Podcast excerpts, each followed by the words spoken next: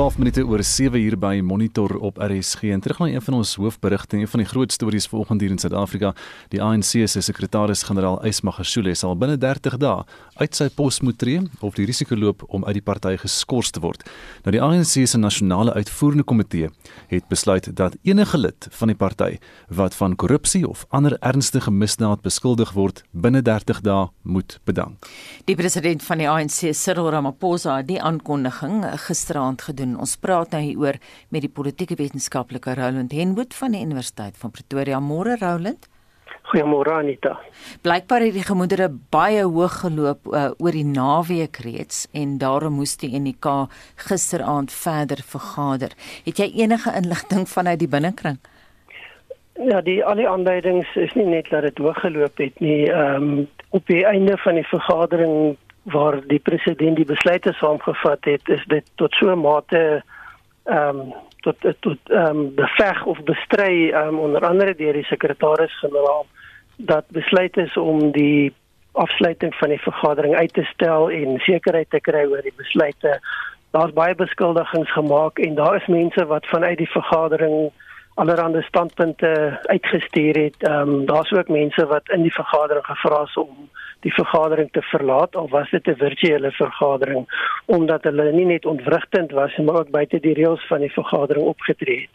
Nou is natuurlik baie moeilik om die gewone reëls toe te pas in so 'n vergadering maar al die aanduidings is dat dit baie meer as net 'n warm vergadering was. Dit is waarskynlik 'n meer stormagtige vergadering geweest.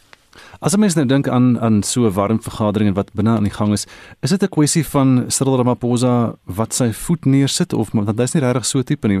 Is dit eerder sy faksie wat so 'n soort van die oorhand kry? Ek dink dit is 'n kombinasie van faktore. Ehm um, waarskynlik die besef dat die party al hoe meer agteruit boer. Ehm um, daar's baie vrae wat gevra word, daar's baie beskuldigings wat gemaak word. En dan is daar al hoe meer negatiewe kommentaar wat op die party en sy leierskap uitgespreek word en dit redelik naby aan 'n volgende plaaslike regeringsverkiesing wat belangrik vir die ANC gaan wees. Ehm um, dit gaan baie belangrik vir die leierskap van president Ramaphosa wees. So die die omgewing waarbinne die ANC funksioneer is besig om baie negatief te raak. en dit natuurlik maak dat die leiers moet aandag gee, maar ook dat die party moet herbesin. daarmee saam die feit dat verskillende faksies binne die party al hoe meer openlik begin optree het um, in die woorde van van die president se terugvoer binne die party begin organiseer teen die party. Dit is 'n baie belangrike aanklag, dit is 'n ongelooflike moeilike situasie en dit is hierdie kombinasie van faktore waar die die president en mense wat hom terwille is waarskynlik begin besef dat hulle kan nie net hierdie ding uitbestuur en wag en kyk wat gebeur nie. As hulle nie gaan optrede implementeer en leiding neem nie, gaan hierdie skip waarskynlik draai en hulle gaan hom nie terugdraai nie. En ek dink dit lê dit is onderliggend aan wat nou gebeur. Roland, dink jy Anton Rupert het wel agter die skerms invloed uitgeoefen? Ek sou nie weet nie. Ehm um, dis baie moeilik om te gaan sê, maar die manier wat dit in die um, independent newspapers aangebied is die naweek is tipies van samesweringsteorieë.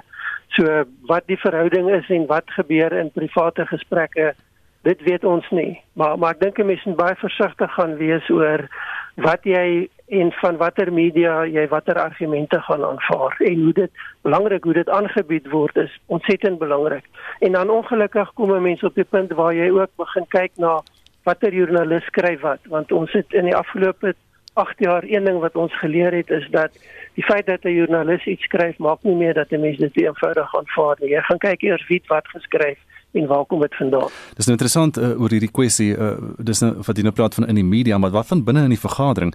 Daardie radikale ekonomiese transformasie faksie glo hulle hierdie hierdie wit monopolie kapitaal stories. Daar sekerlik baie mense wat dit glo. Ek dink nie mense moet naïef wees en dink dat dit word nie geglo nie. Tot watter mate die persone wat die proses dryf en die propaganda dryf dit glo is moeilik om te sê um, want die stories word opgemaak baie duidelik soos wat hulle aangaan. Hmm. So maar daar's 'n baie vrugbare teelaarde vir daai tipe stories en dit word deur 'n groot klomp mense ondersteun. Kan ons verwag dat die Magashule faksie binne die ANC gaan terugveg binne die volgende 30 dae en ons hierdie soort van allerlei stories, geplante stories in die media gaan sien, byvoorbeeld die gedrukte media? Dit is die verwagting, uh, maar ek dink 'n mens moet maar wag en kyk presies wat uitspeel en hoe dit gebeur.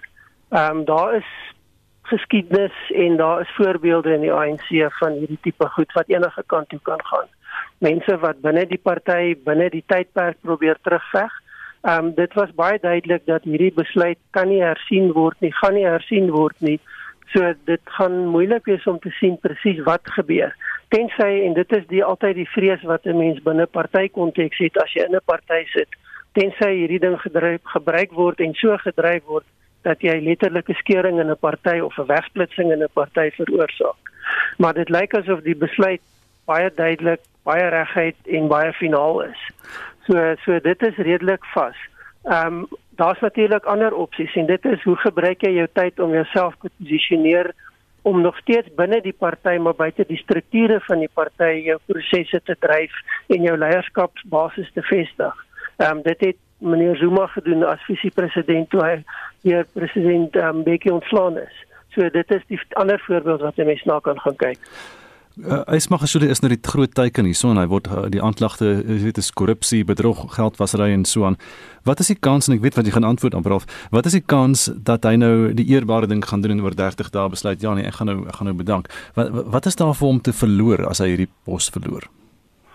Dit is baie belangrik vir hom um, as hy sy pos verloor het, hy sy magsbasis verloor. En ek dink die belangrike ding rondom die sekretaris-generaal is dat hy as 'n persoon nie dieselfde leierskwaliteite het. Hy's nie 'n charismatiese leier nie. Maar sy magsbasis is gesetel in die institusionele, met ander woorde die partystrukture. En as hy daarvan weggevat word, dan word hy baie blootgestel en dit gaan vir hom baie moeilik wees om sy statuur as leier in stand te hou en te laat groei. Gaan vir hom baie moeilik wees om byvoorbeeld die strukture te gebruik. Hy's baie lief om te verwys na die takke om 'n magsbasis te probeer opbou wat nie rondom sy persoon draai nie, maar rondom sy amp. So vir hom is dit 'n baie harde slag en en die negatiewe gevolge is baie groot. Roland, indien hy weier om te bedank, wat se mandaat het die NK? Kan hulle hom forceer om te om te loop of om te bedank? Nou die mandaat is dan word hy geskort. En en en en dit is dit. Hy kan dit gaan probeer beveg, maar dit is die finale besluit. Maar dit is soos 'n dis soos 'n bom wat wat losgelaat gaan word as dit gaan gebeur. Dit gaan wees alhoewel daar nou 30 dae tyd is vir mense om gewoon te raak te besin. Ek dink nie mense moet naïef wees en dink dit is net die mense wat negatief geraak word wat die 30 dae gaan gebruik om te organiseer of om om die proses te beïnvloed nie. Ehm um, ons het gesien die afgelope 2 weke het daar al hoe meer baie skerp en baie duidelike aanduidings uit die ANC gekom.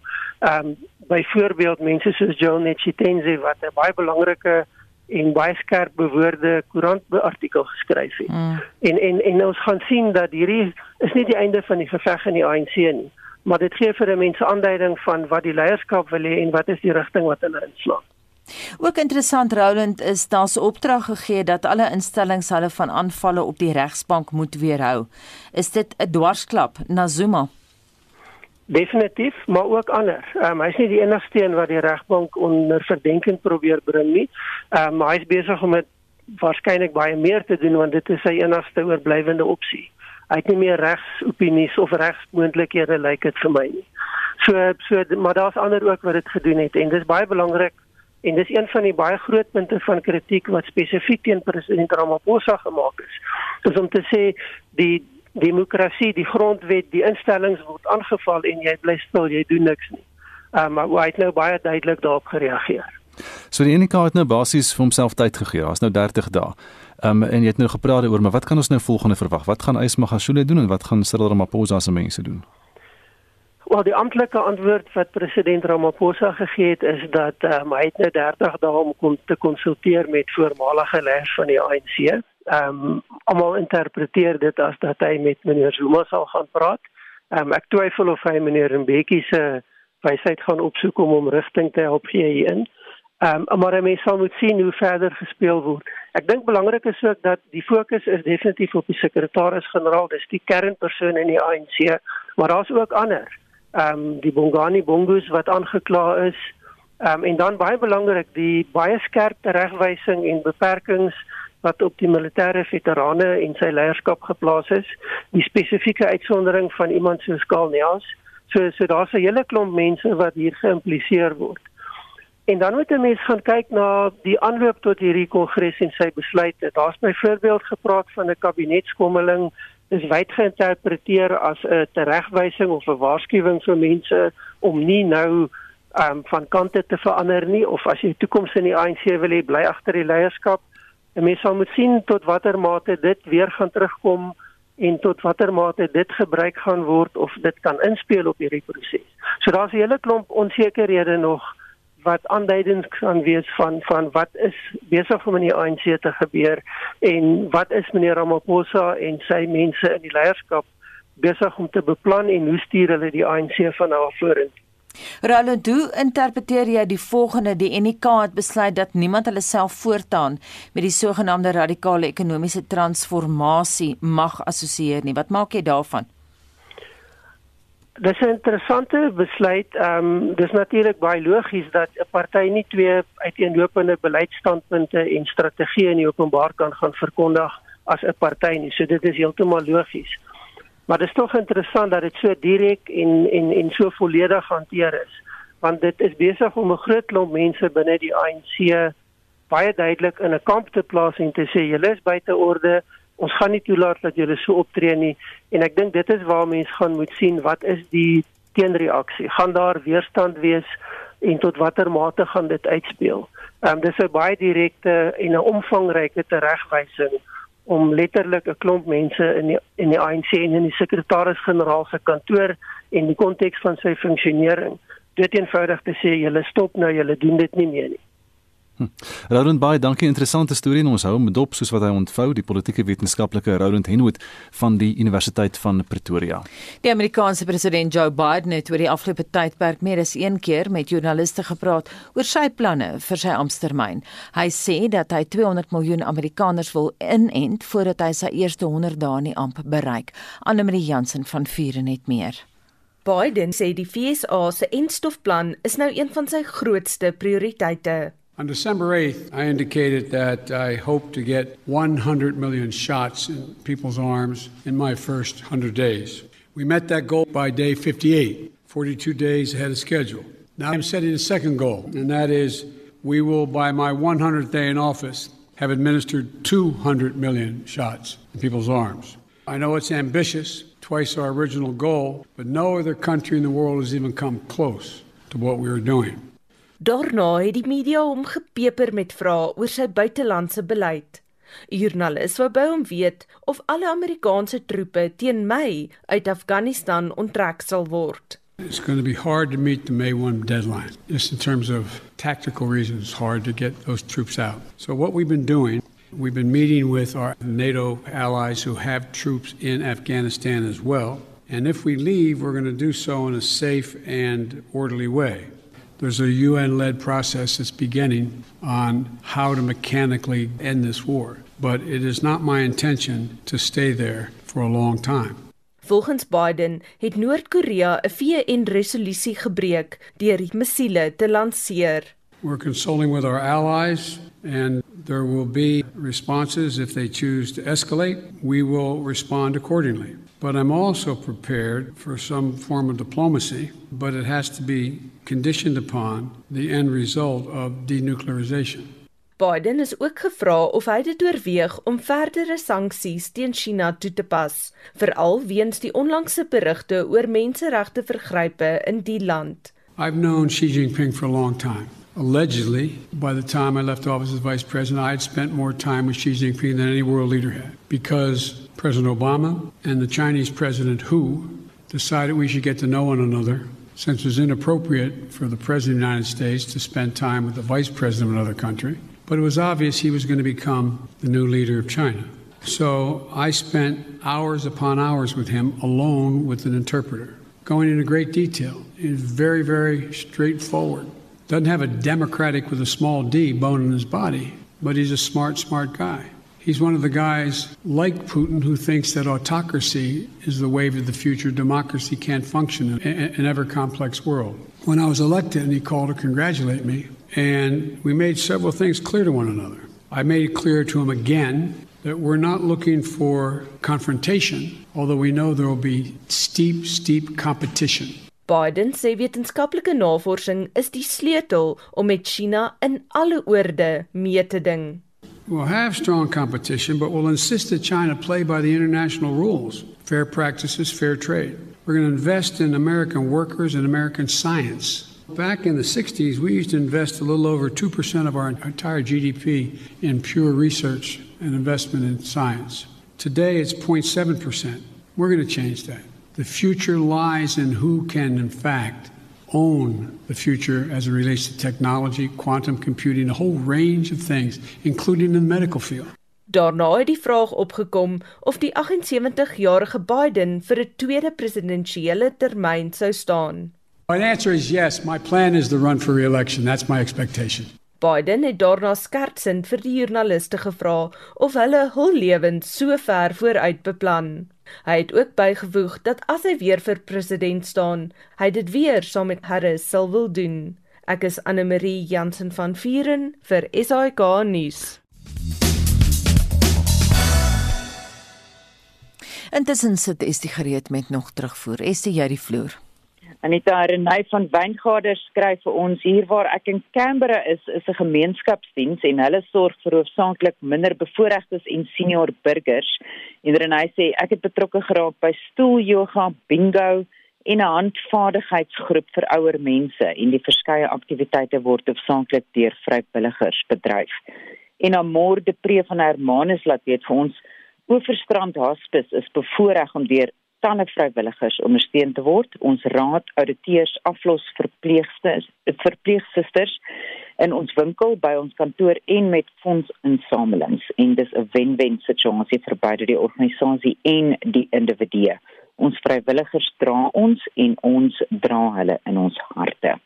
Ons wil vandag by jou weet, doen jy vrywilligers vrywilligheidswerk en as jy dit doen, Hoekom en by watter organisasie doen jy dit? En watter impak het dit op jou lewe? En dis 'n aanleiding van navorsing wat sê vrywilligheidswerk het talle voordele op mense se lewens. Stuur vir ons 'n SMS na 45889 teen R1.50 per SMS.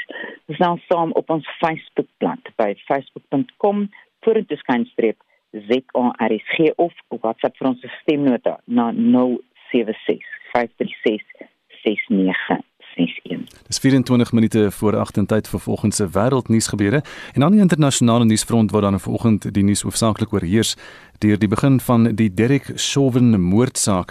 Nou die voormalige polisiebeampte word beskuldig van die moord op George Floyd laas jaar uit uit vir 9 minute en 29 sekondes op sy nek gekniel destyds en Madeleine Forsie sluit nou by ons aan met meer besonderhede môre. Môre Gustav, van die eerste getuienis is reeds aangehoor, maar voor dit het Jerry Blackwell, 'n regsverteenwoordiger vir die vervolging, sy openingsbetoog gelewer. You will learn what happened in that 9 minutes and 29 seconds. The most important numbers you will hear in this trial are 9 to 9. We're going to ask that you find Mr. Chauvin guilty for his excessive use of force against George Floyd that was an assault that contributed to taking his life and for engaging in eminently dangerous behavior, putting the knee on the neck, the knee on the back for 9 minutes and 29 seconds without regard for Mr. Floyd's life. We're going to ask that you find him guilty of murder in the second degree, murder in the third degree, and second degree manslaughter.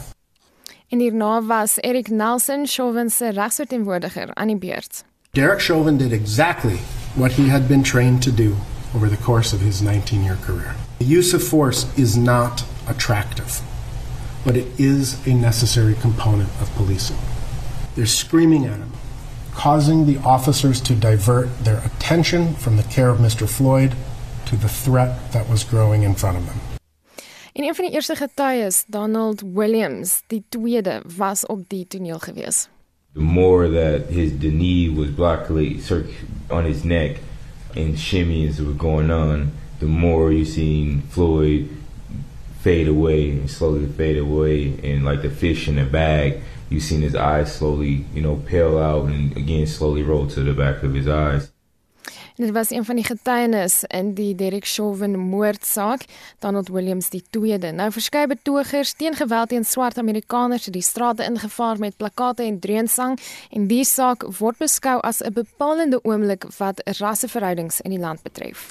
En dan minstens 20 wêreldleiers het intussen na vore getree om te vra vir 'n wêreldwye ooreenkoms om die internasionale gemeenskap te help voorberei vir toekomstige pandemies. En van die leiers sluit in Brittanje se eerste minister Boris Johnson, die Duitse kanselier Angela Merkel en die Franse president Emmanuel Macron.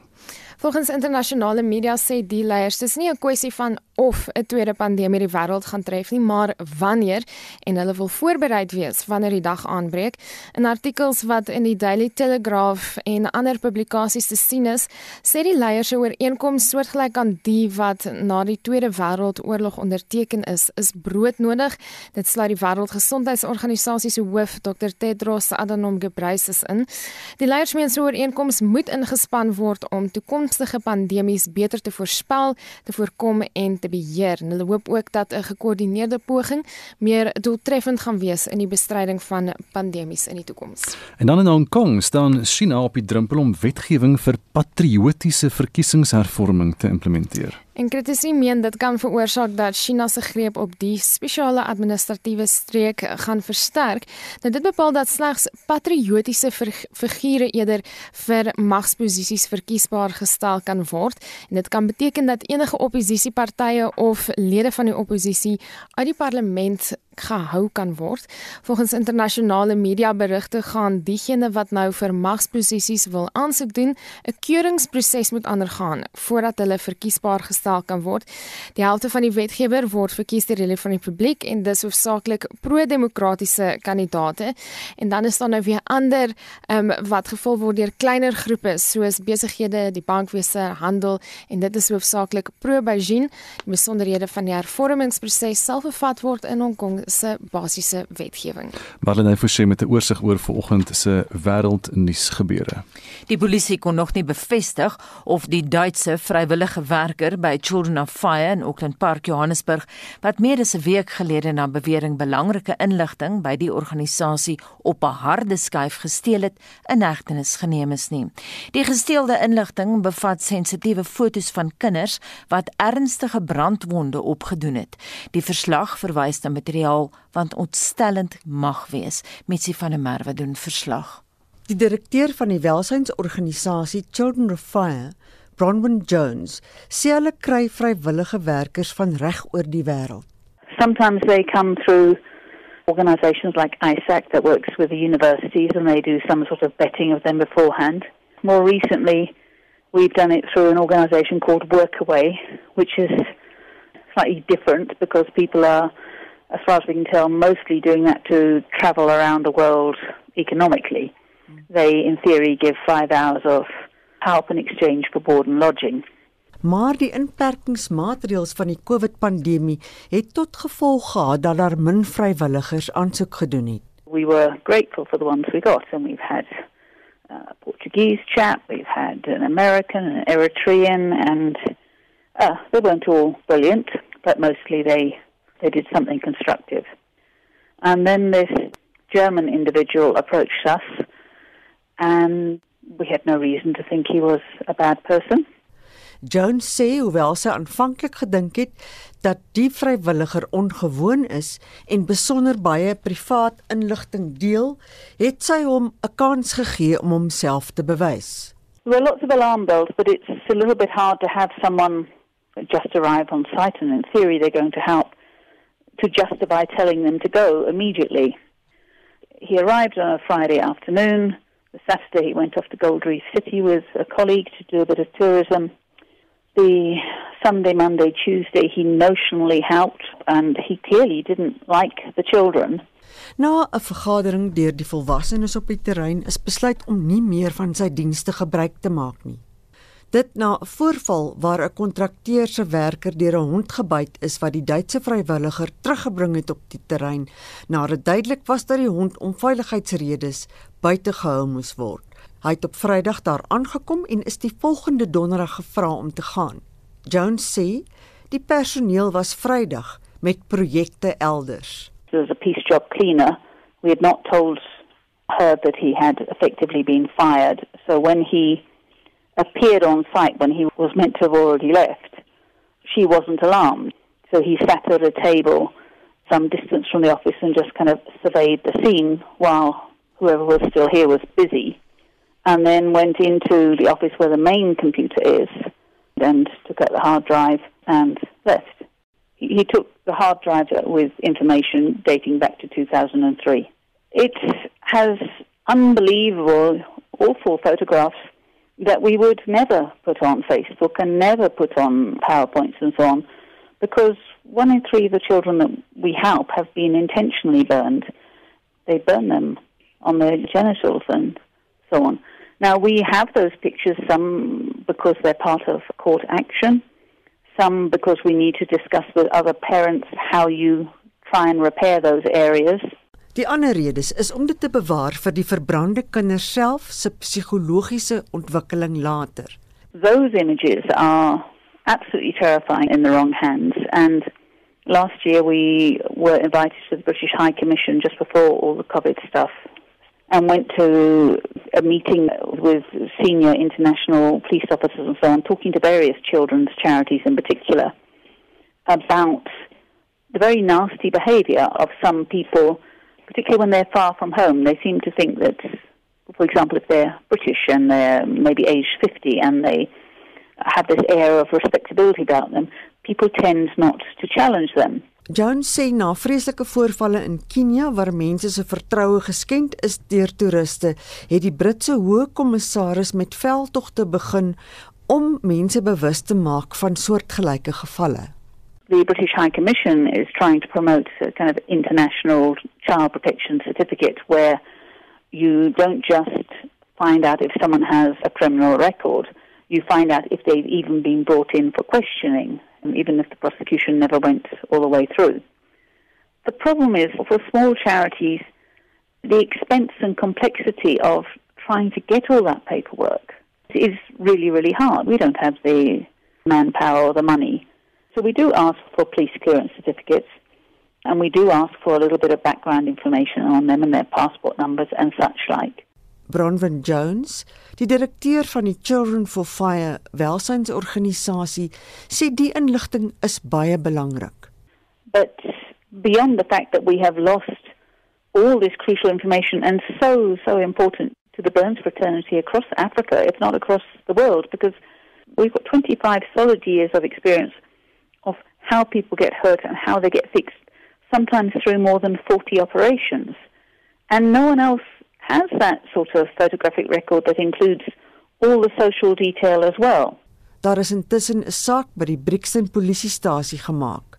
Die woordvoerder van die polisie het nog nie vrae beantwoord oor die vordering van die saak nie.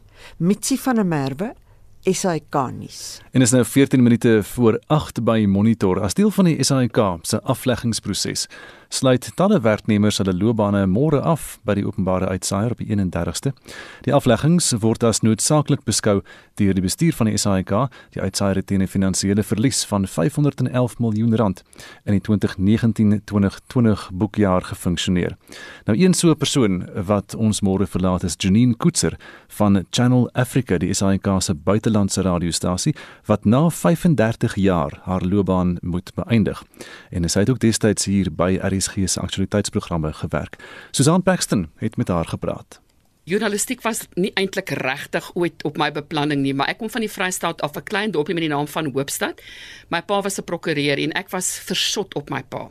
So my droom was altyd om 'n prokureur te word en saam met my pa in sy kantoor te werk. Ek het matriek geskryf in 1976. En daai tyd het my pa gesê nee my kind, 'n vrou op die platteland daai tyd gaan nie werk nie. Jy moet maar eerder gaan studeer en ietsie anders leer as in die regte. Toe ek Stellenbosch toe waar ek BA gedoen het en toe het ek op Stellenbosch gehoor van 'n honeursgraad in journalistiek. Ons professor Piet Silje het ons regtig vir die koerante groot gemaak. Ons is heeltemal geleer om vir die burger te werk. Wat toe nou baie interessant was, maar toe kom daar aan die einde van daai journalistiek jaar by Pizzalia kom daar mense verby wat soek nou vir in vandag se tye word hulle interns genoem om op te lei en ons moes vir 6 weke gaan prakties doen dit. Toe kom meneer Lorden, Winston Lorden van Suidwes Afrika en daardie tyd verby die SWAIK, Suidwes Afrikaanse Uitsakoöperasie en ek kry toe werk by hulle vir 6 weke. Toe ek nou daar in wind toe kom, nou moet ek ook net sê in daai tyd het ek nog nooit oor see gereis nie. Toe klink Suidwes-Afrika vir my amper soos oor see en ek dink tot myself fantasties. Gou vir 6 weke oor die grens gaan nou kom ek werk soek in Suid-Afrika. En toe ek nou in wind toe kom by die SWAIK en ek neem 'n mikrofoon in my hand. Ek het glad nie geleer um, wat radiojournalistiek is nie. Toe weet ek ek is gebore vir hierdie werk. So ek het journalistiek geswat sonder om te weet waarvoor ek my regtig inlaat. Radio was glad nie in die prentjie nie. En toe het ek in Windhoek geleer om radio-onderhoude te doen en toe het ek vir 3 jaar daar gewerk by die SWAIK en toe het ek SAIK toe gekom in 1986. Wanneer ek nou hier weggaan Woensdag 31 Maart is dit 'n volle 35 jaar by SAIK Johannesburg. As daai radio gogga jou eers gebyt het. Nee, ja. Hy los nie. Hy los nie. Dis 'n ontsettende passie wat ek baie van radio gehou het en ek het vir 3 jaar by die SAIK wat luisteraars ken se wie die Afrikaanse radio gewerk en toe is ek laat in die 80s het ek vir Channel Africa begin werk wat die SAIK tot vandag toe nog se buitelandse diens is. Radio stel jou in staat om stories te vertel. 'n Kollega by die SAIK Antika Kapelianus het altyd vir ons gesê in Engels, you have to tell sound rich stories. So met 'n mikrofoon in jou hand kan jy klank optel van die strate af. Jy kan mense se se harte deel met luisteraars. Die manier waarop ek verslag gedoen het, ek was nooit um, wat jy sou noem 'n investigative reporter nie. By Channel Africa veral ons het die stories vertel feitelik. As jy 'n rebel se stem het, dan vertel die rebel se eie storie. Jy moet net die mikrofoon hê. So ons het nooit kant gekies en aanvallende of ondersoekende journalistiek gepleeg nie. En dit is 'n totale ding wat jou byt. Ek was altyd baie baie passievol oor radio werk. Ek dink dit is 'n wonderlike wonderlike medium. Ek luister self RSG. Ek meen as ek by die huis is dan is RSG altyd aan en mense sal sal weet luisteraars, daar's die wonderlikste verhale wat kollegas van reg oor die land na ons toe bring van die verste uithoekies af met mense se wonderlike stories. Ja kyk, eh, die feit dat ons nie jou stem, eh, jy weet nou onlangs half gehoor het op op Monitor en Spectrum nie, beteken nie dat jy nie deel is van die span nie. Want uh, baie van ons uh, wenke wat ons kry kom daar van jou kant af en dan is ons "Ooh, volg op" en dan gaan ons. So jy's klandestiene deel van hierdie familie so. Ek, ek moet dan sê, jy weet die laaste paar jaar was ek nou meer in middelbestuur gewees wanneer ek nie baie in die veld uitgegaan het nie, maar daar was baie baie stories waar omdat ek Afrikaans magtig is wat monitor of Spectrum my geskakel het. Ek dink aan aan tye wanneer ek met Gift of the Givers, ek het met hulle soveel gereis oor die afgelope sê net maar 20 jaar van plekke tot Haiti, um, Nepal, Somalië. Ek hoor julle sê in Afrikaans Niger, ons het gepraat van Niger, daar was 'n groot um, hongersnood gewees. Dit was van die wonderlikste stories Saudi-Arabië en in Sirië. En daar het ek soms Afrikaanse verslae van afgedoen omdat ek die stem was wat die storie van daar af kon vertel. So ek was daarom soms en nou kom ek van 'n klein plekkie af, nê, nee, Hoopstad. Dan sal iemand hoor dan sal hulle my ma my pa bel. Janine was nou op die radio gewees en hulle praat van die draadloos. So ek het daarom soms ook saam met julle gewerk van ver plekke af. Kom ons praat gou 'n bietjie oor daardie reise saam met Gift of the Givers. Een van hulle het jy saam met um, ons uh, voormalige uitvoerende regisseur Futa Kriege gedoen en skoot het geklap. Dit was 'n fantastiese klankbankie. Vertel ons 'n bietjie van daai reis. Dit is effe gevaarlik, maar die opwinding. Ons was nooit regtig in gevaar gewees en dit is in 'n oorlogsone. Ons was in 'n gebied in die noordelike Idlib um, area. En um, soos ek sê, was wonderlik om saam met Futa te werk. Nou ons SAK radiojoernaliste is geneig om vreeslik getrou te wees aan wat ons noem deadlines, spertye. En eendag toe um, gaan die res van die media uit om na uh, 'n uh, refugee kamp waar vlugtelinge was um, te gaan besoek en ek en Futa onder meer het daai dag spesifieke spertye gehad om vir die radio te stuur. En ons bly toe by die hospitaal agter waar die die dokters van afgewerk het. En hier op die stadium hoor ons 'n vreeslike gedruis buite en kyk by die venster uit en daar is mense met ontsettende gewere en ammunisie en so. Nou dis vir ons wat nou nie aan oorlog gewoond is nie, was dit nog 'n groot ding om te sien. Daar word gedink ons word aangeval in die hospitaal en Imtiaz en sy span sê ons moet onder die beddens skuil. Natuurlik hou ek die bandmasjienkie in die lug en ek het wonderlike klank opgeneem en Futa neem net foto's van hierdie mense met ek ken nie die terme in Afrikaans nie rocket launchers en feeslike gewere. Nou hierdie mense is wat nou in daardie situasies rebelle genoem word.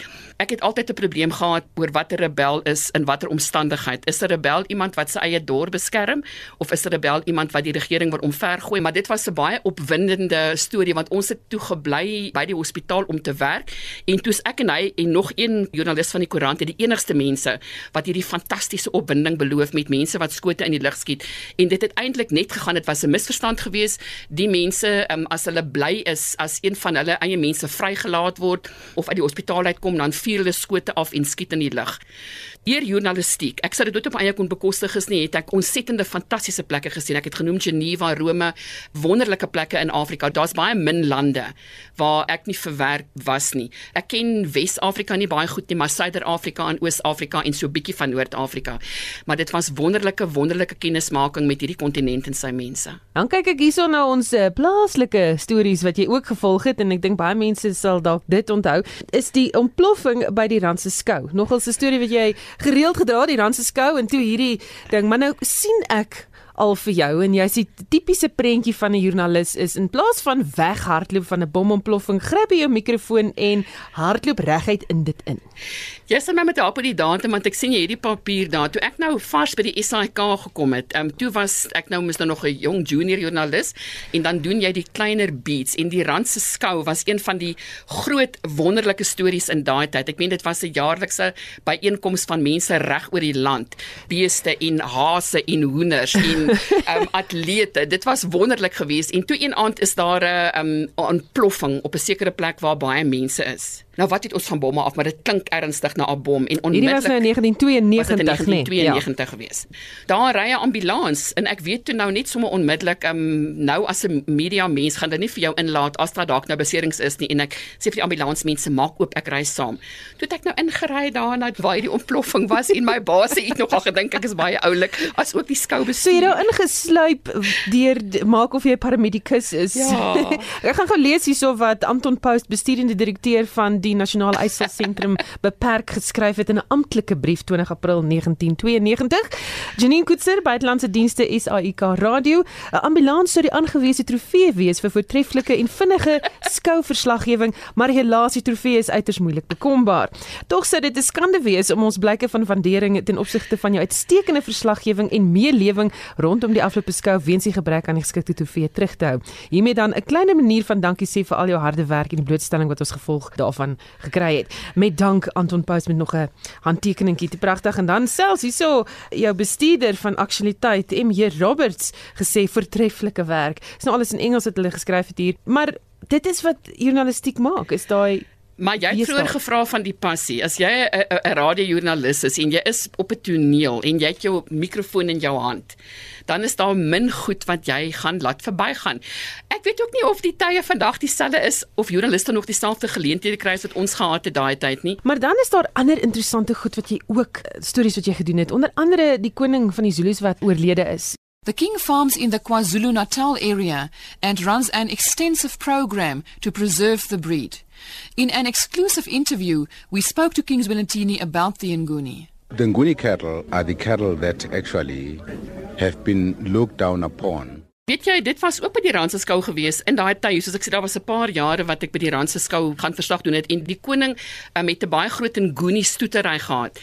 En die koning is daar en ek het gevra vir 'n onderhoud en um, hy het vir my die onderhoud gegee waarin hy vertel oor sy beeste en hoe 'n man moet beeste hê en ek wou nou nie gesê queen nie want dan gaan dit ook dink of hy grappig is maar hy praat tog daaroor oor jou rykdom in jou beeste.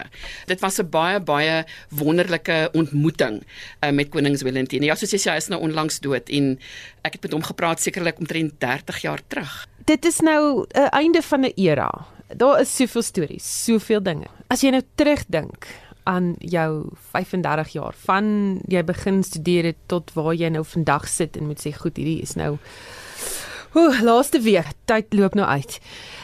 As jy dit moet opsom in een of twee sinne, wat spring eers in jou gedagtes? Ervarings, ontdekkings. Wonderlike mense, mense se harte. Ek sê wel, het ek politiek gedoen. Ek ek ek was bevoorreg geweest om verby 'n titel mense se binnegoed te kon raak sien. Ons almal het maniere hoe jy mense leer ken. Ek het wêrelddele gesien waar ek nooit sou gewees het as dit nie was vir die feit dat ek 'n mikrofoon in my hand gedra het nie. So dit was opwindend. Ek het ongelooflike wonderlike mense ontmoet en ek sal so graag um, in op die pad vorentoe. Ek weet nie wat ek gaan doen nog nie. Ek hoop so ek kan eendag eers 'n mentor wees by 'n skool of by eers en vir jonger joernaliste ook inspireer. Um, ek weet ongelukkig net van radio af. Ek kan net praat. Ek weet nie veel van wat in die printmedia aangaan nie. Maar ek sou graag hierdie ervarings van my wil deel met mense wat belangstel in in radiojournalistiek. Oh honey, I'm just getting good at saying goodbye. Getting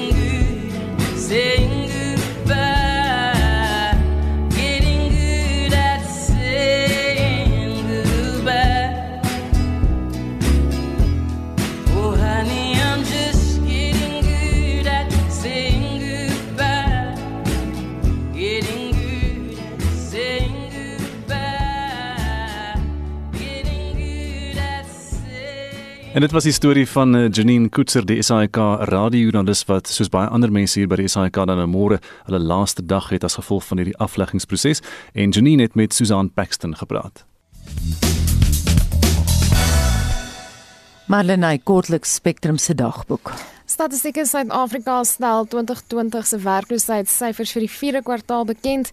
Eskom se voormalige bestuurshoof, Machele Koko, verskyn vandag voor die Sondekommissie en die minister van Gesondheid, Willem Kiese, spreek ons toe oor die enstof. En onthou jy kan na elke dag se monitor gaan luister op die RSG webwerf www.rsg.co.za.